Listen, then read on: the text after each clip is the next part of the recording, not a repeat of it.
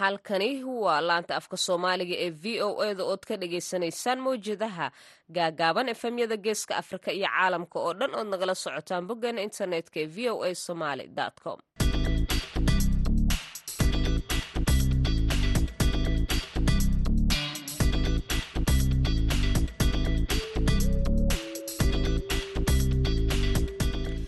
wanaagsan idilkiinba dhegaystayaal waa kowdii iyo barkii duhurnimo xilliga geeska afrika iyo lixdii iyo barkii aroornimo oo xilliga washington d c ah waa maalin khamiisa saddex iyo tobanka oktoobar sannadka labada kun iyo labaiyo labaatanka idaacaddeenna duhurnimo ee barnaamijka dhallinyarada maantana waxaa idinla socodsiin doonta anigoo ah sahra cabdi axmed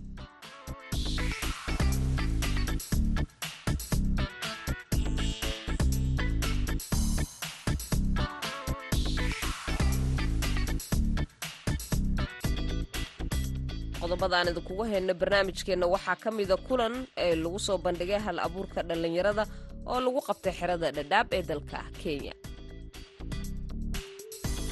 walaal waxaa jirtay in dhallinyaradii maaratay xirfadleyda ahayd ee xarooyinka qaxootiga ku barbaaray saddexda xarameel la isku keenay oo taalintoodii ay soo bandhigeen. Kadibna kuwii maaratay aad kaalimahaas sare galay oo sida gabayga maaratay dhaantada gajaanka ciyaarka iyo waxyaabaas maarata si fiican maarata u soo bandhigay. Yaa kisto maaratay awaalmarina la siiyey oo lagu dhiirigelinayo waxaad sidoo kale maqli doontaan waraysi aan la yeelanay wiil dhallinyaro ah oo laba buug qoray. Sidoo kale waxaan idiin haynaa barnaamijkii qaybta ka ahaa barnaamijkan ee heesaha oo aad maqli jirteen hadahayo kale.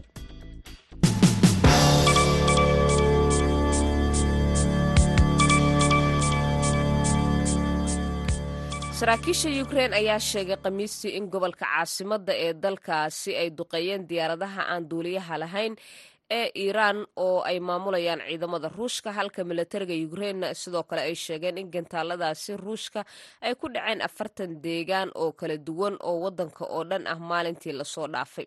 Ku-xigeenka madaxa xafiiska madaxtooyada ee ukrein ayaa sheegay in diyaaradahan aan duuliyaha lahayn ee duqeyntaasi geystay ay garaaceen xarumo muhiim u ah kaabayaasha wadankaasi saraakiisha waxay ku tilmaameen diyaaradahan aan duuliyaha lahayn ee loo yaqaano kamikazi kuwo sita markaasi walxaha qarxa islamarkaasina ku dhacaya bartilmaameedyada loogu talagalay.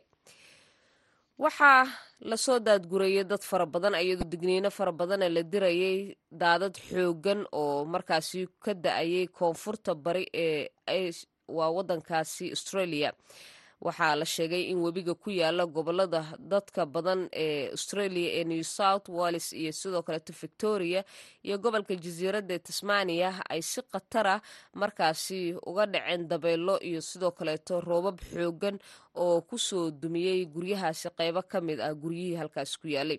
Ku dhowaad laba boqol iyo konton guri oo ku yaalla magaalada la yiraahdo new south wales ee forbis ee galbeedka sydney ayaa la amray in laga guuro habeennimadii khamiistii ka hor inta aysan daadadkaasi waaweyn halkaasi aysan ku soo rogmanin booliiska ayaa helay afartan iyo lix nin ah oo isagu meydkiisa la arkay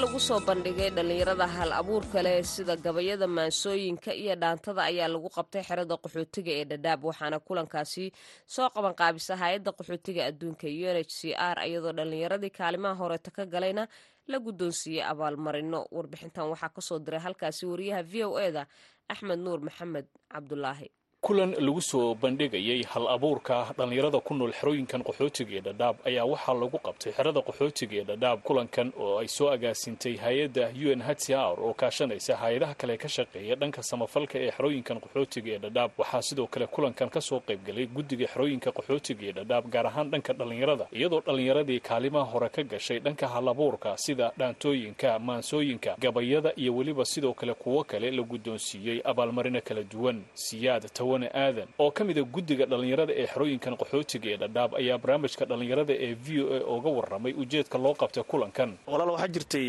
in dhallinyaradii maaratay xirfadleyda ahayd ee xarooyinka qaxootiga ku barbaaray saddexda xarameel la isku keenay oo taalintoodii ay soo bandhigeen. Kadibna kuwii maaratay aad kaalimahaas sare galay oo sida gabayga maaratay dhaantada gajaanka ciyaarka iyo waxyaabaas maarata si fiican maarata u soo bandhigay. Yaa kisto maaratay awaalmarina la siiyey oo lagu dhiirigelinayo maxay tahay sababta keentay xilligan in dhallinyarada hal abuurka soomaali ee ku nool xerooyinkan qaxootiga ee dhadhaab. Lasoo bandhiga halabuurkooda si markaasi hay'adaha samafalka ay u ogaadaan. Halabuurka ay leeyihiin dhallinyarada. Waxaan arkayay dhallinyaro soo bandhigtay dhaanto dhallinyaro gabayo soo bandhigtay iyo sidoo kale kuwa heese soo bandhigay. Intooda badanna ay mas'uuliyiinta hay'adaha samafalka ay joogeen islamarkaana ay eegayeen halabuurka dhallinyarada xerooyinka qaxootiga ee dhadhaab ee dhanka fanka iyo weliba sidoo kale qaybaha kale. Walaalo waxay ahayd maalin maarata aad cajiib u ah oo inta badan waxyaabaha duugan ee aan la ogeyn in banaanka la keeno lagu ballamay. Dhallinyaradii mas'uuliyiintoodii kala duwanaa maamuliinta sare iyo hay'adaha maarata qaybahooda kala meesha joogay talagalkan wuxuu ahaa oo keliya in lagu ogaado bal dhallinyarada xarooyinka qaxootiga ku nool ma xirfado noocay leeyihiin. Maxaa maarata u duugan oo maarata u qarsoono uu ilaahay hadiyad uu siiyey? Si maarata bal bulshadaha caalamka inay la jaanqaadi karaan loo ogaado. Marka maalin wanaagsan ay ahayd dhallinyaradii mid walba meeshuu ku ficnaayo maarata uu soo bandhigay kuwa gabiyaa oo cajiib ah oo aan horeyba umulinin inay gabiyaa dhalinyaro gabiyaa noocaas oo kale inay xarooyinka joogaan waan aragnay. Kuwa maarata jaanka ciyaarka iyo dhaantooyinka iyo maarata halabuur kale la yimaada waa jireen marka waxay ahayd maalin maarata qaali ah oo dhallinyaradii waxyaabihii keedka u ahaa oo maarata aan inta badan laga warqabin ay banaanka u soo saareen oo maarata bulsho badan ay ogaatay oo hadda kadibna ay noqotay in laga faa'iidaysan karo insha allah raxmaan. Arkayay qaar ka mid a dhallinyarada oo soo bandhigayay gabayo iyo maansooyin ku saabsan wadannimada waxay tahay iyagoo inta badan dhallinyarada kale ku boorinayay in dalkii dib loogu laabto in dalkii wax laga qabto in nabadda lagu dadaalo. Marka arrimahan oo kale door intee leeg bay ka qaadan karaan dhallinyarada kale joogta xeryaha iyaguna inay la imaadaan hal abuur. Door aad maarata u weyn ay ka qaadan karaan waxay dhiirigelin u noqonaysaa dhallinyarada xarooyinka ku nool sidoo kale waxay noqonaysaa wacyigelin guud bulshada. Aniga xitaa markii aan aragnay dhallinyarada gabayadii ay soo bandhigeen messajka ay xambaarsanaayeen fariimihii maarata ay gudbinayeen. Oo keliya fariintaas ma ahayn mid maarata anfacaysa bulshada ku nool xarooyinka qaxootiga waxay ahayd maarata fariin guud oo soomaali idilkeed meel walba ay joogto. Maarata anfacaysa oo maarata waxaan rajaynayaa mustaqbalka dhow in marxaladda hadda soomaaliya ku jirto xitaa gabayadaas uu saameyn ku yeelan doono oo maarata wax badan uu isbedeli doono insha allah. Dhallinyarada qaarkood ayaa markii ay goobta masraxa ama goobta lagu soo bandhigayay hal abuurkooda waxay sheegeen inay doonayaan in laga caawiyo in waxyaabaha markaasi hibada ay u leeyihiin iyo hal abuurka ay soo bandhigaan. Sidoo kaleetona goobahan oo kaleeto la badiyo si dhallinyarada ay ugu soo bandhigaan. Marka maadaama aad tihiin maamulka dhallinyarada ee xerooyinkan qaxootiga ee dhadhaab arrimahan ma u bandhigteen hay'adaha samafalka? Ha waan u bandhignay hay'adaha waan u bandhignay. Waxaanan doonaynaa insha allah raxmaan mustaqbalka dhow in maarata arrimahaas dhallinyarada laga kaabo. Loo sameeyo maarata recreational centers oo dhallinyarada maarata mustaqbalkooda lagu dhiso. Meel macalimiin loo keeno oo kuwii rabaan in wax la barana inay maarata ay xirfadaha bartaan. Kuwii hore u yaqaaneenna meel ay maarata xirfadii ay yaqaaneen dadka ay ugu gudbiyaan oo ugu soo bandhigaan. Inay helaanaan maarata ka shaqaynayna. Insha allah raxmaan arrintaas xitaa waxaan maarata codsi u dirsanay dowladda federaalka soomaaliya iyo maarata dowlad goboleedyada ay quseysaba in maarata arrintan ay gacan ka geystaan oo maarata ay dhallinyaradan xarooyinka qaxootiga ku nool waa dhalinyaro soomaaliyeed. Dowladooda waa un dowladda soomaaliyeed. Marka in ay ka warqabaan oo ay maarata wixii ay ku tari karaan oo maarata ay ku soo kordhin karaan si maarata dhallinyaradaas xirfadoodii ay maarata u sii sara qaadaan. Naftigooda codsigaas waan gudb waan jeedinay. Waxaan rajaynaa insha allah raxmaan inaan jawaab fiican ka helno. Sidoo kale hay'adaha ayaga naftigooda arrinta marka horna ku howlanaa haddana waxaan ku dhiirigelinaa oo habeene maalin baan u dowtaagana insha allah raxmaan in arrintaas ay budget fiican u raadiyaan oo dhallinyarada maarata lagu dhiso mustaqbalkooda insha allah. Waxyaabaha la soo bandhigay waxaa ka mid ah sidaan ka dhawaajinayba dhaantada. Ee dhammaan dadkii goobta ku sugnaa sida mas'uuliyiinta hay'adaha samafalka dowladda dalka kenya ka socda waaxdeeda arrimaha qaxootiga ee guddiga xerooyinka dhallinyaradii xerooyinka dhammaanba waxaa soo jiitay dhaantadii ay soo bandhigayeen dhallinyarada da'da yar ee qaarkood ku dhashay xeryahan qaxootiga ee dhadhaab. Iyagoo inta badan markaasi dhaqanka soomaalida si cajiiba u soo bandhigay. Arrintan marka dareen intee leeg bay xambaarsan tahay dareen weyn ay xambaarsan tahay dhallinyaradii xitaa dhallinyaradii markii iyadii dhaantadaas la soo shirtagay waxay ahayn dhalinyaro ka imaata xarada xaagadheera markii dhallinyaradii xarada ifo iyo dhagaxley ay arkeen cajiib maarata dhaantada maarata sida wanaagsan laisula jaan qaadayo sida maarata heerka sare leh. Dhallinyaradii kale waxay dhaheen marka arrintaas see ku dhacday. Meesha waxaan ka ogaanay in macalin uu jiray oo dhallinyaradaas dhisayay oo maarata dhallinyarada tababar maarata u fidiyey oo waqti geliyey. Marka waxay codsadeen dhallinyarada qaarkooda ee xarada dhagaxley iyo xaagadheer iyo ifoba ka watirsan in arrintan la ballaariyo.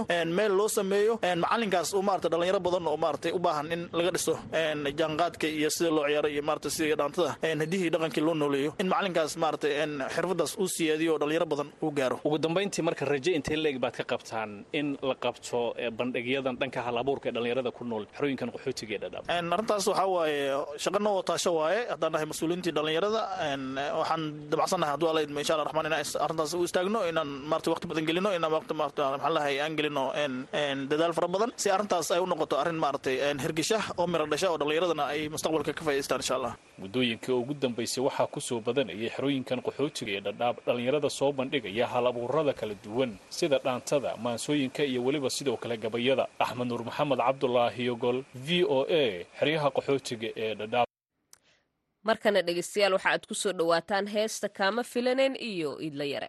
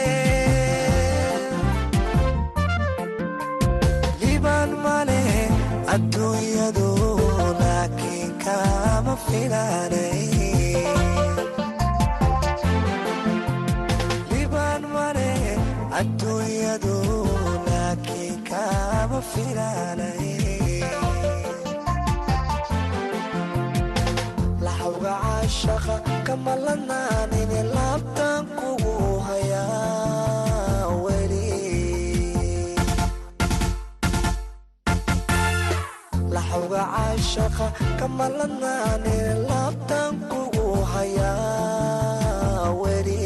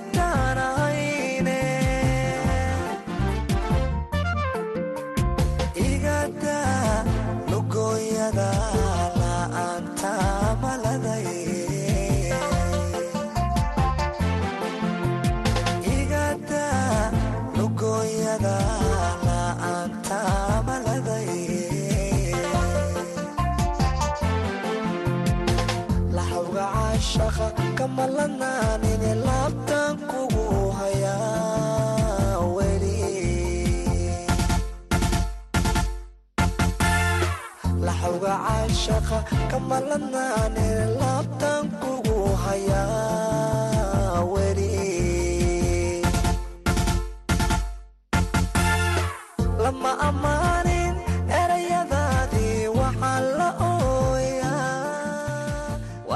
waxaad naga dhagaysanaysaan washington codkaasi baxsana iidlayarana intaasi haddaan kaga gudubno wiil dhallinyaro ah ayaa magaalada boosaaso ku soo bandhigay laba buug oo uu qoray oo uu ka qoray qisooyin nolosha ibni aadanka iyo sidoo kaleeto waxa ay ka baran karaan dhallinyarada. Cabdinaasir xasan cali ayaa macluumaadka ku jira labadan buug. Wuxuu uga waramay wariyaha v o eda ee boosaaso yuusuf maxamuud yuusuf waa mahadsantaha walaalkay labada boog midna dugaal baa la lahaa midna dayaxii laba jeer iftiimay. Waa laba boog oo labadaba qiso xambaarsan. Aan ugu talagalay dadka reer boosaas inaan soo gaarsiiyo wallaahi dhakhtarka horta waxa wax ku dhaliyo inuu dadka daaweeyo waa dhibaatada dadkiisa haysato inaad wax qortana marmarka qaar waa dadkaaga inaad wax kaga bedeli kartid. Waxaa laga yaabaa qof bukaana inuu jiro. Waxaa laga yaabaa qof uu ku soo socdo ka gaashaaman kara inuu jiro. Qof hore ugu dhaco waxaa jira laga yaaba inuu ka sii qaado dhiirigelin. Marka saas awgeedaan inaan qoro buugtaan u jeclaysta. Waaya si aan u fahaano annaga iyo dhegaystayaasha dugaal iyo buugga kale ee dayaxa iftiimay bal noo kala qaad labadaasi mawduuc iyo waxaa ku dhalatay inaa qodho. Horta dugaal waa qiso dhab oo xambaarsan. Dadka markay bulshada meeshaan ka qaxeen soomaalida iyo xabsiyadii la maray iyo dadkii gabdhihii nin walba aaminaad la'aanta ka dhacda gabdhii markay taariibayeen. Nin walaash gabar walaashii u diirnaxay oo dadka ka jeclaaday. Kadibna sagaal sano oo xabsi ku jiray dul taagneed. Maantana ay nolosha ku midoobeen. Marka dugaal waa buuggaas waa buug xabsi iyo nolol badan ka sheekeynaya iyo dhibaatada. Saddex waxyaaloodana waa yaa dhexdiisa ku dhex jiro ee naxariista qofka biniaadanka kuu naxariista inaa u naxariisan kartid. Dadka qofka biniaadanka inuu qowl leeyahay ama ballan leeyahay oo qofka kale ballantuu la galo uu ka soo bixi karo iyo abaalkii oo la gudi karo. Qofkan abaalku kuu gala saddex maalin iyo saddex habeen isla socdeen abaalku u galay iyo sagaal sano u sugaysa inay nolosha kula midowda oo weliba ay isku dugaashan soo xabsiga ku jiran uu dugaashanhayay ayadoo duurka jirtana soo xabsi ku jira ay dugaashanaysa waad dareemi karaysaa dugaal waa buugsaase qisadiisana aada u dheer tahay. Koley dadka akhriyaa wax badan kala soo dhexbixi kara dayaxii laba jeer iftiimay isagana waa qiso kale oo qiso jacayleh waad dareemi karaysaa magaca laftigiisaa ka dareemaysaa dayaxii laba jeer iftiimay dayaxii wuu iftiimay. Dadka barashaday farxaddii koowaad noloshii kadib cadownimaa soo dhex gashay oo waxay bulshadana u badan tahay. Nolosha labada qof markay saaxiibayeen qofaa dad inay ka macaashaan rabo oo dhexdooda ka shaqaystaan sidaas awgeeda marka waa la kala geeyay dadka. Cadownima waa loo kala warqaaday. Nabiib waxay ogaadeen nolosha meelay taagan tahay dhibaatadii dhacday iyo meeshay ka soo laaban karaan. Kadib meeshay ka soo laabteen maanta ayaga laftigooda waa qoys ku baraaray nolosha marka ayadaas buuggaasna waxaa ku dhex jirto saaxiibtinimada in la ilaaliyo oo wax walbay ka muhiimsan tahay inuuna saaxiibkaa uu ku qiyaanin. Waxaa kaloo ku jirta wuxuu qofku wuxuu ilaahay kuu qoray inaadan marnaba seegi karin. Oo dee dadkaas waa la kala fogay barabaganda fara badana ku jirta laakiin wuxuu ilaahay isku qoray ahaan dad uu ilaahay isku qoray oo dib iskugu soo laabto midda saddexaad oo ku jirta waxaa ku jiro buugga inuu qofka xataa dhiirigelin aad u samayn karto. Dayax laba jeer iftiimay wiilka arday buu yahay gabadha duruuf adag xoogaa waa iska danyar inuu nolosheeda boqolkiiba sagaashan uu gacanta ku qaaday ilaa heer jaamacad ay ka gaarta asaga laftigiis ku dadaal in qofka aad maalin abaal a gashata ilaahay uu kugu gudi karaayo. Taas asagana saasoo kale waa dayax laba jeer iftiimay. Koley qofka gudaha u galo yaa si fiican u sii dhex arki kara asagana magaalada boosaasaa ku soo bandhigtay gaar ahaan goobaha waxbarashada oo kale. Dhalinyaro badan baa ka qaybgalay mas'uuliyiin dowlad baa ka qaybgalay ka qaybgalka buuggaas intaasoo dhalinyaro ah intaasoo mas'uuliyiin ah dareen noocaya kaaga dhigneed markaa soo bandhigaysa walahi dee mar walba markaad degmo tagtid ama aad gobol tagtid ood aragta bulshada say kuu soo dhaweynayaan ugu qanacsan yihiin kuu dhiiragelinayaan adigu laftigaad horu samaynaysaa ree boosaaso wax i dhiirageliye moogiye ilaa hadda wax dhibaatay oo kalama kulmin. Qof i dhiirageliya oo dhaa saanu sii soco saan yeel waana dad wax akhriya. Dadka waxa ma dhaan laakiin waa dad wax akhriya. Sababtay taa xal anoo meesha joogaa qorka su'aal weydiinayaan buugga contest ma waa u sheegay marka waxaan ku dhaha buug qise oo qisada ay wada hal taxana tahay looma yeeli karo contest. Contest waxaa loo yeelaa buug taariikhi marka waad dareemaysaa dadka. Soomaali walow ay boodboodaan laakiin wax waa akhriyaan reer boosaas aadaa ugu mahad celinayaa sida qiimaha iyo dhiiranaanta leh oo waqtigooda iyo juhdigoodaba ay soo horeen waana i dhiirageliyeen haddii qofka baniaadamka waqtigiisa ku hiro wuxuu ugu qiimaha badan qofka ku hiro waa waqtigiisa. Hadduu waqtigiisa ku hiro aaday u qiimo waay dhalinyarada akhrisa marka buuggan maxay ka baran karaan gaar ahaan buugga dugaan? Wallaahi horta waa dawo. Waxaa laga yaabaa hadduuse adig kugu dhicin saaxiibka inay ku dhacan waxaa laga yaabaa walaalka inay ku dhacan waxaa laga yaabaa waaridka inay soo mareen noloshaas waa xaqiiq. Haddayse intaas soo dhicin way kugu soo socotaa ama qof saaxiibkaaba ku soo socota. Gaashaana marka. Waad ku gaashaaman kartaa waadna ku dawoobi karaysaa. Qofka hadduu bukaan yahayna dee waa ku daawoobayaa haddii uusan weli ku dhicinna waxaas uusan la kulmin gaashaan buu u noqonaya hadduu horey ugu dhacayna nafsadiisuu sii dhiirigelinaya hor ooga sii soconaya. Intuu bulsho la wadaagi karan wuu la wadaagaya markaas. Intaad ku guda jidhay qisooyinkan labadan buug ma jireen caqabada ku soo maray? Haa buugga dugaal waxaa xasuustaa xabsi aan u galay. Anigu laftigaya xabsi u gala soo xabsi ah oo xabsi u badan sheekadiisa anaaba xabsi u galay.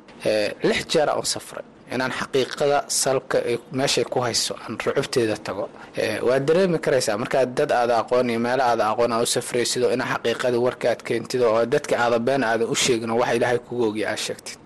Lix jeer u safray. Xabsina waa u galay. Wixii iigu badnaa waxay ahayd magaalo aan tagaa markiiba anoo meel fadhiyo oo marka ayadoo soo qabaysto le alla ilaa sheekadaada gudaha u gashid askar hadday i imaaday ila tagta lix saacadood kadib baa la iga wareeray marka xabsi haddaa u gasho xataa asaga laftigiisa wuxuu kugu sii yeelanayaa saameyn. Laakiin waxaasoo kale way ku yaranaya jebinayaan marmarka qaar. Laakiin inaa hore u sii socotaa kaaga muhiimsan. Oo adiga aysi sii dhiirigelisid. Qorshuhu ma kugu jiraa marka inaad sii wadatid qoraalkan kadibna aad bugaag kale ka samaysid si aa u soo bandhigtid? Horta labadaas buug hadda waa labadan boosaaso ku soo bandhigay. Ani buugteeda waa saddex buug hankii saqiiray dayaxa laba jeer iftiimay iyo dugaal. Saddexdaas buugay ahaayeen haddana laba buuga daabacadda ii saaran oo ayadana aan dhameeyey. Waaya muddooyinkii ugu dambeeyey waxaa soo badanayay dhalinyarada qoraalada sameynaya sheeko walba ha ka qoreen weliba sanadihii ugu dambeeyey. Ma u malaynaysaa dhalinyarada soo badanaya in buugaagta la qorayo ay la mid noqotay shayga muxuu ahaye suuqa loo iibgeeyo oo kale. Horta dad buug horta waxba lagama sameeyo lacag. Waa sida macalinka oo kale macalinna ma taajiro nin buu qorana ma taajiro keliya waa dadkaagii wax gaarsii waxaa laga yaabaa buuggaas aad qorta inay akhriso dad ka badan boqol kun oo qof. Laakiin waxaa laga yaabaa hal qof inuu ku dawoobo. Adi halkaas qof uu ku dawoobo yaa wax walba kaaga qiimo badan. Marka ma fiirinaysid mana qiimeynaysid markaas.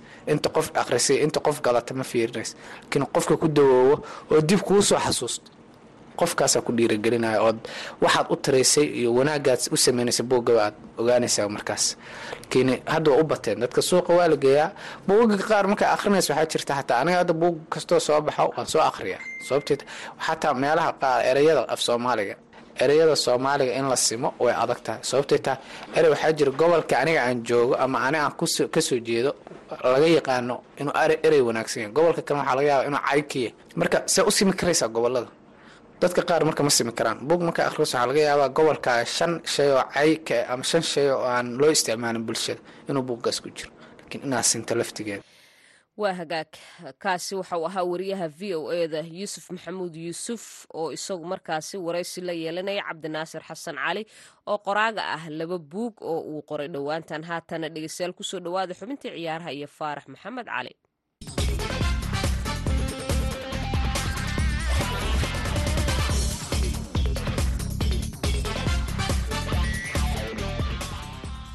kulanti wanaagsan dhegaystayaal meel kastoo joogtaan kuna soo dhowaada xubinta ciyaaraha ee maanta.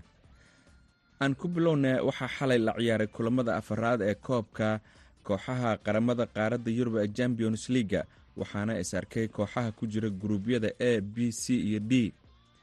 Qaybta e kooxda napoli oo sidoo kale horkacaysa horyaalka talyaaniga ayaa afar iyo laba ku dirtay kooxda faca weyn ee ayax amsterdam ee waddanka holland. Sidoo kale isla qaybtan kooxda liverpool ayaa toddoba iyo hal uga badisay kooxda waddanka scotland rangers. Laacibkooda waddanka masar maxamed saalax ayaa dhaliyey saddex ka mid a goolashaasi waxaana ay ahaayeen saddexleydii ugu wakhtiga gaabneed taariikhda koobka champions leaga maadaama uu dhaliyey lix daqiiqo iyo toban iyo laba ilbiriqso gudahood qaybtan waxaa horkacaysa kooxda napoli oo leh laba-iyo toban dhibcood maadaama ay badisay dhammaan afartii kulan oo ay soo cayaartay liverpool ayaa iyana la sagaal dhibcood ayakii saddex dhibcood halka rangersna aysan wax dhibaca lahayn. Qaybta biina kooxda atletic de madrid iyo club brag ayaa isla dhaafi waayey eber iyo eber halka f c bortona ay saddex iyo eber ku soo dhifatay kooxda jarmalka ee bayer liverkusen waxaa qaybtan si lama filaana u horkacaysa kooxda waddanka beljamka ee club brag oo leh toban dhibcood f c bortona waxay leedahay lix dhibcood halka atletic de madridna ay leedahay afar dhibcood liverkusenna ay leedahay saddex dhibcood. Qaybtasiina ciyaartii ugu adkeed waxay dhex martay kooxaha barcelona iyo inter milan taas oo ku soo gebagabowday saddex iyo saddex. Robert lewaniski ayaa laba jeer xilli dambe dhaliyey goolal barbardhac ahaa laakiin rajada barcelona oo sabixitaanka wareegga lix iyo tobanka ee champions leaga ayaa u muuqatay mid yar kadib markii ay barbardhacaasi xalay la gashay inter milan tababaraha kooxda barcelona shafi hernandes ayaa sheegay in champions league uu ku adkaa barcelona xilli ciyaareedkan. Barcelona ayaa quusanaysa haddii inter milan ay saddex dhibcood ka hesho labada kulan ee ugu dambeeya ciyaaraha champions leaga ee qeybtooda oo ay la ciyaari doonto victoria blason iyo byr munig barcelona ayaa ku soo laabanaysa horyaalka la liiga iyadoo axadda ka hortegi doonta kooxda real madrid kulanka el classico kale ee qaybtan siina waxay xalay dhex martay kooxaha bayer munik iyo victoria blason waxaana afar iyo laba ku badisay kooxda munikh waxaa qaybtan horkacaysa kooxda bayer munik oo leh toban iyo laba dhibcood islamarkaana u soo gudubtay wareega lix iyo tobanka. Inter waxay leedahay toddoba dhibcood barcelona afar victoria blaysonna waxba. Qaybta dhiina kooxda tottenham ayaa mar kale muujisay awoodeeda waxayna saddex iyo labo ku dirtay kooxda jarmalka ee frankfort halka kooxda faransiiska ee makseyna ee labi eber uga soo badisay kooxda sporting club. Qaybtan oo ah gruub furan waxaa horkacaysa kooxda tottenham oo leh toddoba dhibcood halka maksey iyo sporting b c na ay wada leeyihiin min lix dhibcood halka frankfortna ay leedahay afar dhibcood. Xubintii ciyaarahana dhegeystayaal maanta waa naga intaa